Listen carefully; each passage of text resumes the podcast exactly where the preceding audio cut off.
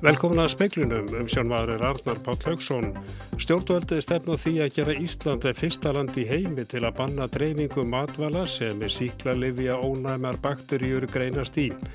Yfirlörglu þjóttni segir að bæði Íslendingar og útlendingar tengið skipulari klæpastarsinni sem hefur tengt eh, ánga sína hinga til lands. Fjóri stjórnarhanstöðuflokkar vilja að innleðing þriðja orkubakkans verði færð aftast á dasgrá þingsins og að flokkarnir semjumál sem býða af greiðslum. Formaður dónsmálanemdar fullrúadeildar bandarækja þing segir að þingi verða að breyðast við afbrótum, lígum og öðrum viðskjörðum Trumps fósetta þar sem dónsmálaráðunitið vilja ekki grípa til aðgerða gegn honum. Þjóðaröryggisráði stendur fyrir málþingi haustum með falskréttir, upplýsinga, óreið og öryggismála á þessu sviði. Forsættisáður að hyggst að láta vinna tilugur um leiðir til að vekja almenning, almenning til vitundar um þessa ógn sem stæðir að líra í samfélaginu. Og hér á eftir veru rætt við Þórunu Sveinbjörnadóttur, formann BHM, um stöðuna í kjæramálum. Stjórnvöld stefna því að gera Ísland fyrsta land í heimi til að banna dreifingu matvala sem ígreinast síklarlefi ónæmar bakterjur. Sankvæmt alþjóða heilbriðisráðunu eru síklarlefi ónæmi Einn mesta heilbriðisókn 21. aldarinnar sjávar útveðs og landbúnar á þeirra og heilbriðisáþara undirrituði byrjum februar yfirlýsingum um sameilegt áttak til að dragur útbreyðslu sefjalefja ónæmra bakteríja á Íslandi. Ráðuneytin tvö munu verja 45 miljónu króna til að koma verkefnum strax af stað. Svandi Svavastóttir heilbriðisáþara segi brínt að ebla eftirlit og umgerð í þessu málaflokkim að koma íslenskra lækna sér þar engin undatekning. Já, það er eitt af því sem við erum að tala um að gera, að það er að styrkja ennbætti sótvarnalæknis hjá landlægsembættinu þannig að það sé hægt að fara eh, betur og með skýrara hætti því að fylgjast með ávísunum á síklarlif. Eh, of, það er of mikið á Íslandi með við samburulöndin og það þarf að draga úr því með markvössum hætti og til þess þarf þessi skráning að vera á hreinu þannig að það sé hægt að fylgjast með uh, því hvenar er verið að ávísa þessum lifjum og, og bæta ávísana venju lækna hvað þetta varðar. Þetta var Svandi Svastóttir. Karl Steinar Valsson yfir laurugluþjótt hjá laurugluna á höfuborgarsvæðinu segir að skipulöðu klæpastarsimi hafi verið að tegja ángar sína hinga. Hún hafi ímsar byrtingamindir, bæði íslendingar og útlendingar tengist þessari starsimi. Hún hefur byrtingamindir í því að Íslendingar hafa verið að forma ákveðna hópa og eru að vinna og þeir eru mjög stórtækir hér. Eh, það eru auðvitað erlendir aðilar sem hafa verið að koma til Íslands líka og, og annað eru hérna annarkvöld í lengri eða skemmri dvölum þannig að við erum komin með mjög svipaða byrtingamind eins og þekkist í Európa og það er kannski eitt þátturinn sem okkur sín, finnst skipta máli hérna á höfuborgarsæðinu það er það að, að við stöndum frammi fyrir talsveit mörgum áskorunum. Þetta var Karl Steinar Valsson og nána verið fjallagönda máli fréttum sjómars klukkan 7. Stjórnarnarstaðan fyrir utan miðflokkin vill að innleðing þriðja orkupakkans verði færð aftast á dasgraf þingsins og flokkarnir semjum afgreyslu þeirra mála sem býða afgreyslum. Þetta kemur fram í yfirlýsingu sem samfylkingin viðreist píratar og flokkur fólksins hafa sendt frá sér. Það sér ennfremur að mál þó miðflokksins um þriðja orkupakkan hafi komið í vekk fyrir þinglega meðferð allra annara mála. Það sé gaggríni verðt að mörg stórmál ríkistjórnarinnar hafi komið allt og seint fram þeirra á meðal þriðji orkupakkin auk þess sem enn sé beði eftir nýri fjármálastefnu og breytri fjármála áætlun. Stjórnar meiri hlutunum hafi mistekist algjörlega högg á hnútin.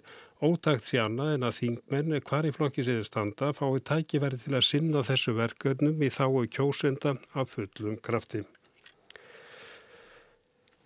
Jerry Notler, formaður dómsmálanemdar fullróðadeildar bandarækithings, segir að þingi verða að breyðast við ábrótum, lígum og öðrum vískjörðum Donalds Trumps fórseta, fyrst dómsmálaráðunitið landsins ætlið að láta það ógjert. Fórsetinni segir að rannsón gegn honum hafi leitt í ljós að hann sé laus allra mála.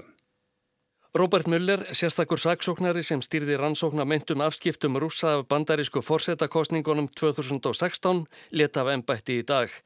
Í yfirlýsingu sem hann flytti af því tilefni neytaðan að Donald Trump hefði verið hreinsaður af ásökunum um að hafa reyndað að hafa áhrif á framgang réttvísinar. Ef það hefði komið í ljós hefði það verið sagt. Muller sagði að samkvæmt starfslýsingu dómsmálaráðuneti síns í Washington hefði það ekki verið í hans verka ringað ákæra fórsetan ef eitthvað misjamt hefði komið í ljós og því hefði það ekki verið gert.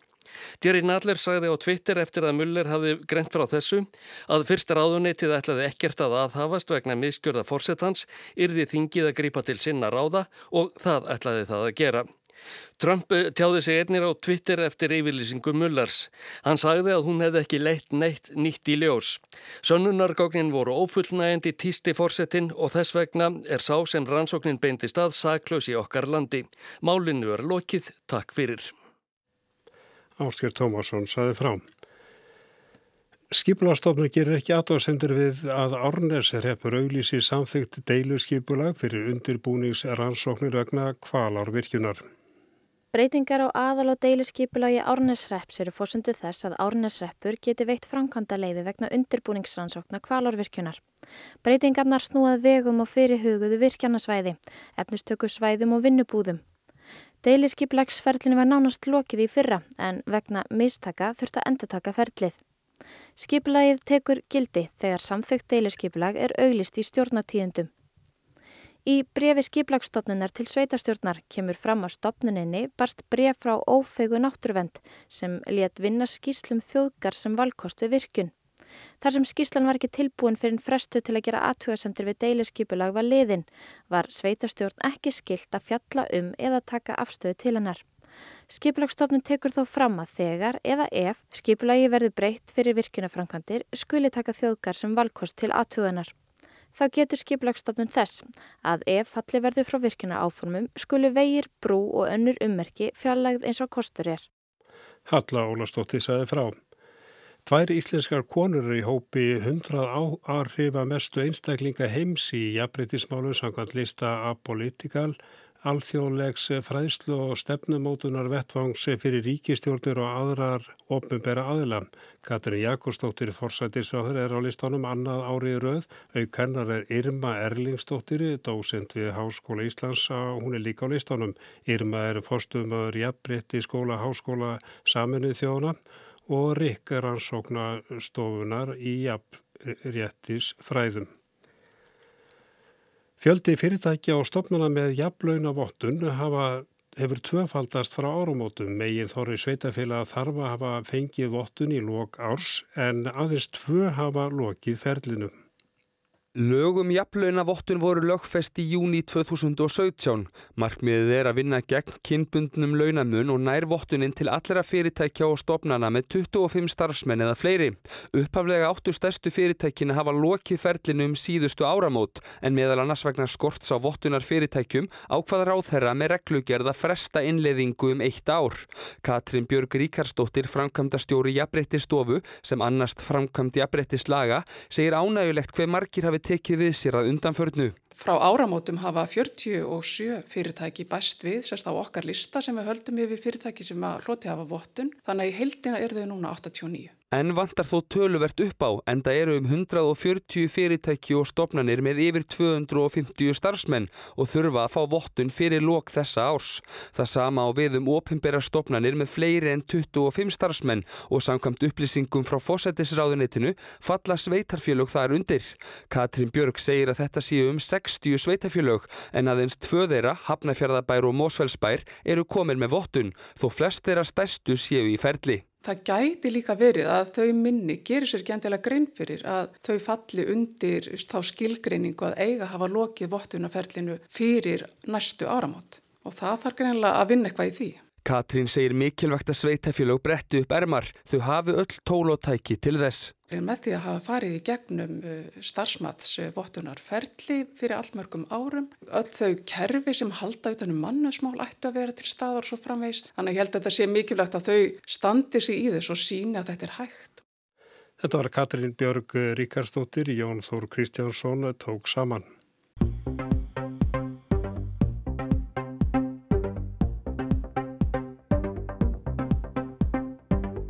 Kjara samningar ofinbæra stafsmann að veri lausið frá 1. mars. Samninga viðraður standa yfir og óvist er hvenar eða hvernig þeim líktar.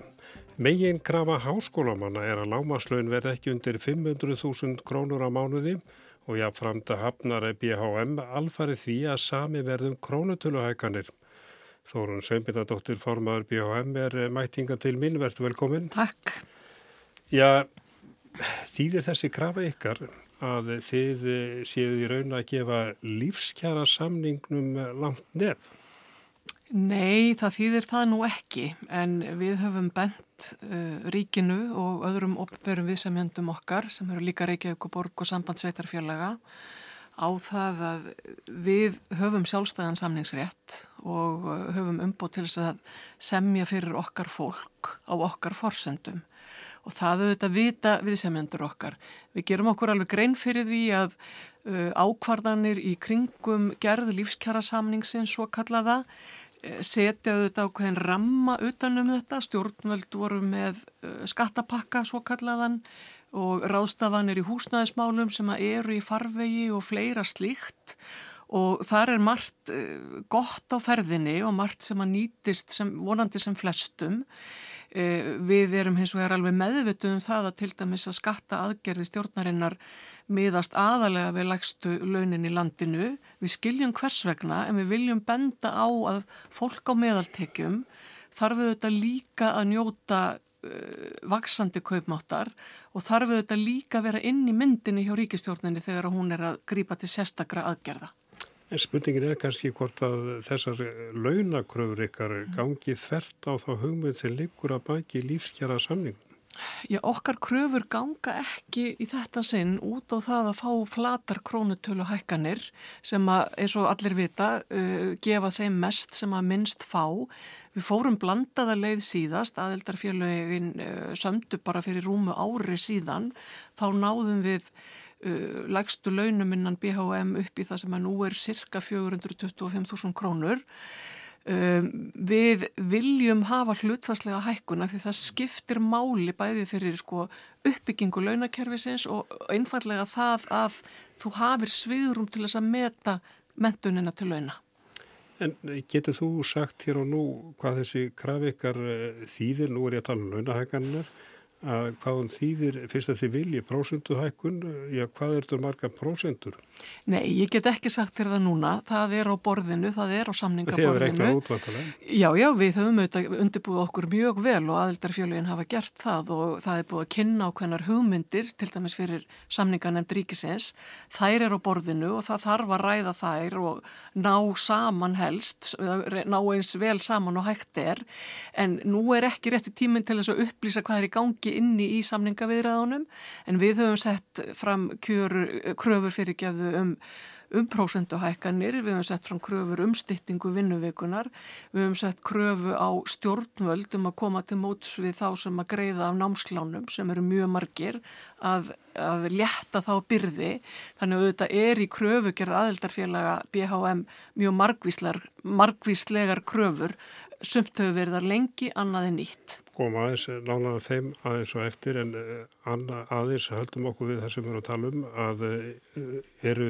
hendur ríkisins ekki bundnar, getur ríkið farið að semja við ykkur og móta eh, nýja launastefnu, aðra launastefnu kemur fram í þessu samningi, heildarsamningi á almenna marka? Það eru þetta ríkisins að svara því uh, hvort að það er tilbúið til þess sagt, að... Hefur ríkið sagt ykkur það? Uh, ekki beinlinis, nei, en það er þetta verður að móta þannig launastefnu verandi stæsti vinnuveitand á Íslandi sem að geri það verkum að fólk vil vinna hjá ríkinu að þið ofinbera hefur, uh, getur sent þeirri almanna þjónustu sem það ber ábyrð á, hvort sem það er hjá ríkið að sveitafélögum, það þýðir það að þú verður að greiða fólki almenleg laun, það, bara, það er skildaðín ef þú ætlar að vera vinnuveitandi sem heldur úti þeirri þjónustu. Og þarna þarf þetta að finna eitthvað jafnvægi, við gerum okkur alveg grein fyrir því, en við vitum líka að ríkið hefur sína tekjuöfluna möguleika, ríkið hefur sínar áætlanir, það verður að finna leiðir til þess að koma til móts við starfsfólk sitt í þessum samningum. Það er spurning hvort það er rétti tími núna, það er kannski aldrei rétti tími til að finna þetta jafnvægi sem hún talar um. Mér hefur heist að það sé mjög sjaldan rétti tímin, hann nú, var nú ekki á síðustu árum sem að voru nú samt mestu uppgangsár í efnahagslífinu hér í langan tíma. Uh, fyrir nokkrum árum urðu aðeldarfélag BHM að grípa til verkfallsvopsins, það gerist mjög sjaldan. En þannig að það er alltaf sami, við heyrum alltaf sama viðlægið, það má ég orða það þannig, að nú sé ekki rétti tímin hvort sem að efnahagslífið er og uppleið eða niðurleið. Já, ég myndi að kynna nýja fjár, uh, fjármála áætlun eða stefnu hugsanlega í kvöld. En hvað um það að e, þú myndist á styrtingu vinnuvikunar og þið tala um að heilsan eigi að ganga fyrir, það er mhm. einn grafa sem að þið tala um, streyt og kullun eh, hafi aukist e, og lausnin sé, hugsanlega, eða er hún að semjum styrtingu vinnuvikunar? Það er, það er vissulega málefni sem er á borðinu og, og er verið að ræða við, við sem myndur okkar. Það hafa verið í gangi tilraunaverkefni, sérstaklega hjá borginni sem er það núna verið að skila í þessari viku neðustöðunum árangur sem af þeim varð. Þetta er orðin almenn krafa meðal aðildarfélaga BHM og ég held líka bara almenn krafa í samfélaginu. En heldur þú að eh, já, þetta kannski verði megin intak eh, samningana að eh, launagröfur uh, þurfi kannski að víkja í einhvern tíma eða, eða maður þurfi að haga sér einhvern öðruvísi en að það veri lög megin áhersla á stýttingu eða breytingu á vinnu, umhverju vinnutíma. Já. Já, það verður vissulega inn í myndinni. Það er ofsnemt að segja til um það hver, hver niðurstaðan verður en, en krafan er uppi en það eru þetta líka krafa uppi um það að það verði kaupmáttaraukning og það verði eðlileg hækkun á launum. Eh, við, horfum, við erum með 3,6% verðbólgu núna á áskrundvelli, vonandi lækkar hún, vextir eru byrjaðar að lækka þannig að við þetta vonum að þróunin verði hagfælt fyrir vinnandi fólk á Íslandi en það þýðir samt ekki það að við séum fallin frá kröfunni um betri laun. Styrning vinnugunar er kannski ekki einfalt mál, það er ymsir sem er á vöktum eh, og sólaringsvöktum, það tala um að styrta þær vaktir, það getur verið einn lausn, eh, meðal lausna eh, í samvæntið í hjókunarfræðinga, en það mun kosta ríkið. Já, það auðvitað þarf að finna ólíka leiðir af því að fólk er í óli, svona, mismunandi, hvað að segja, vinnutíma fyrirkomulagi Það eru margir í dagvinnu, það eru hins vegar mjög margir líka í dagvinnu og bakvöktum og svo eru þetta mjög margir, er svona cirka fjórðungu þeirra sem vinna hjá hennu ofinbera eru gangavaktir. Þarna þarf að finna lausni sem að henda þessum hópum. Lífeyri sjósmálinn, eh, þau voru jöfnuð, eh, var ekki fyrra? 2016, tók ekki 2017. 2016, að eh, var það rétt skrefa stíga, hafa ofinberi starfsmenn komið vel út úr þeim breytingum? Skrefið var nöðsynlegt að mínu viti. Það var mjög erfitt að taka það en við náðum samningi sem að, eða já, samkomiðlægi við ríki og sveitarfélög sem að tryggðu þeim sem að voru í aðildinni 2017 svo kallan líferis auka. Það, það er að segja óskert réttindi. Það sem við náðum hins vegar ekki að semja um og fengum ekki gegn í lagasetningu alþingi væri að fólk heldi sínum lífeyrisauka þó að það hreyfði sér til á vinnumarkaði. Það er vissulega galli. Verkefni núna er í nýju kerfi að sjá til þess að unga fólki sem fer að vinna hjá hennu ofinbera eða þeir sem eru nýjir hjá hennu ofinbera, ungir eða gamlir, e, fái kjör sem að samræmist því að það er búið að, að rauninni minga munin eða samræma kerfin á almennu ofinbera vinnumarkanum. Það á eftir að klára það. En gengur það að semja fyrir unga fólki og ekki þá eldri? Bara ég held við verðum bara að skoða það fullur í alvöru hvernig við gerum það. Það er á enn eftir að útkljá uh, eitt ákvæði í samkvömmalæginu sem að varðar jöfnun launa á milli markaða og það kann að vera að það verði svarið við því hvernig við gerum það. Og svo vinna er í gangi? Já, hún er í gangi. En bara alveg blá endan, uh, hvernig er gangurinn í viðræðunum? Hann er ágætur, hann er ekki mjög hraður en við erum að færast í rétt átt. Þorun Sveimindadóttir, ég þakka þið kjæla fyrir og þú heldur áhrum að reyna að semja fyrir þína menn.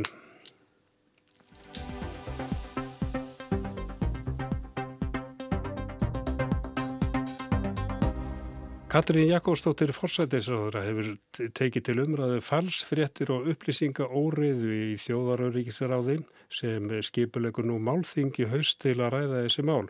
Hún hefur slátt að vinna til lúra norrætni fyrir mynd um leiði til að auka meðvitundu almennings um þessa óg sem stæðjar að líðraði samfélögum. Hún segir að þessi mál hafi líka verið rætt í Norðurlandaráði.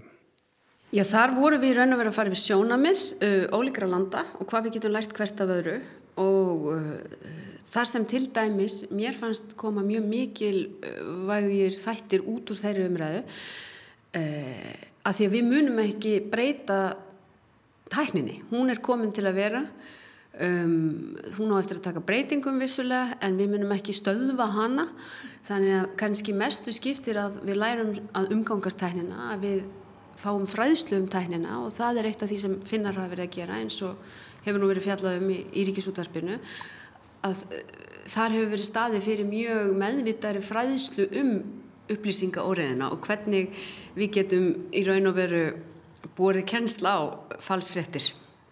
Eitt af því sem að þeir gerðu líka var í meita að, uh, að uh, senda embætismenn og, og svona starfsfólk og ég vil fjölmjöla fólk og, og, og bara marga á sérstök námskeið. Eh, heldur þú að það sé þörf fyrir það hér?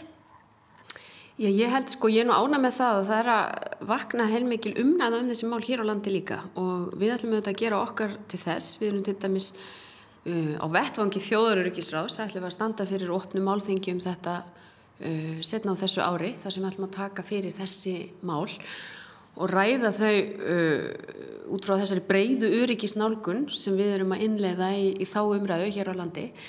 En það er þörfa á miklu meiru og ég hef líka uh, haft í huga því hér hefur verið starfandi nefnd sem hefur verið að vinna að því að vinna frumvörpum upplýsinga og tjáningafrelsi þá hef ég rætt það við forman nefndarinnar Eirik Jónsson að nefndin takit í skoðuna hvernig er hægt einmitt að takast á við þetta án þess að við séum að ganga á þann mikilvæga rétt upplýsinga og tjáningarfrelsi.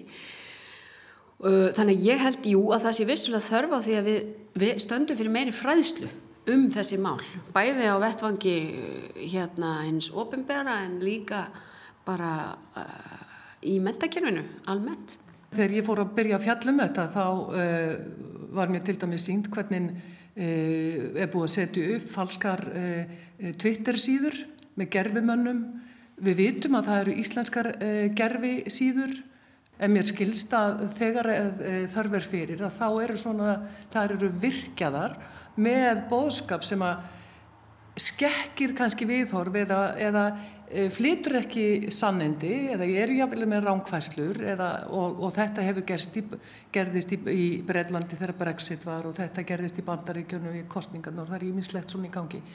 Þarf að sko virkja sérfræðinga í þessari tækni til þess að sko já, sjá fyrir uh, hvað er að gerast hér? Já, við erum auðvitað komið þá breytingu, við þekkjum að hluta ekki nettröll og, og vitum kannski að teljum okkur vita hvað það þýðir. Þar að segja það eru þeir sem eru mjög virkir á netinu og, hérna, og kommentera við allt. En nú erum við komin í raun og veru með stafræni netröld þar að segja algoritma sem uh, eru að dreifa fréttum með hérna, ótrúlegum hraða. Og þú nefnir tiltekinn dæmis erlendis frá við getum bætt við dæmi um uh, málflutningum bólusetningar til dæmis sem hérna breytist út með ótrúlegum hraða þar sem var verið að hérna, letja fólk til að senda bönni sín í bólusetningar. Þannig að það er, við erum með mörg slík dæmi, við erum líka með dæmi um falskar síður. Margi stjórnmálamenn hafa lendið því að e, þeir dúka hér og þar upp á netinu án þess að vera þar sjálfur í raun og veru. Þannig að það er alþægt.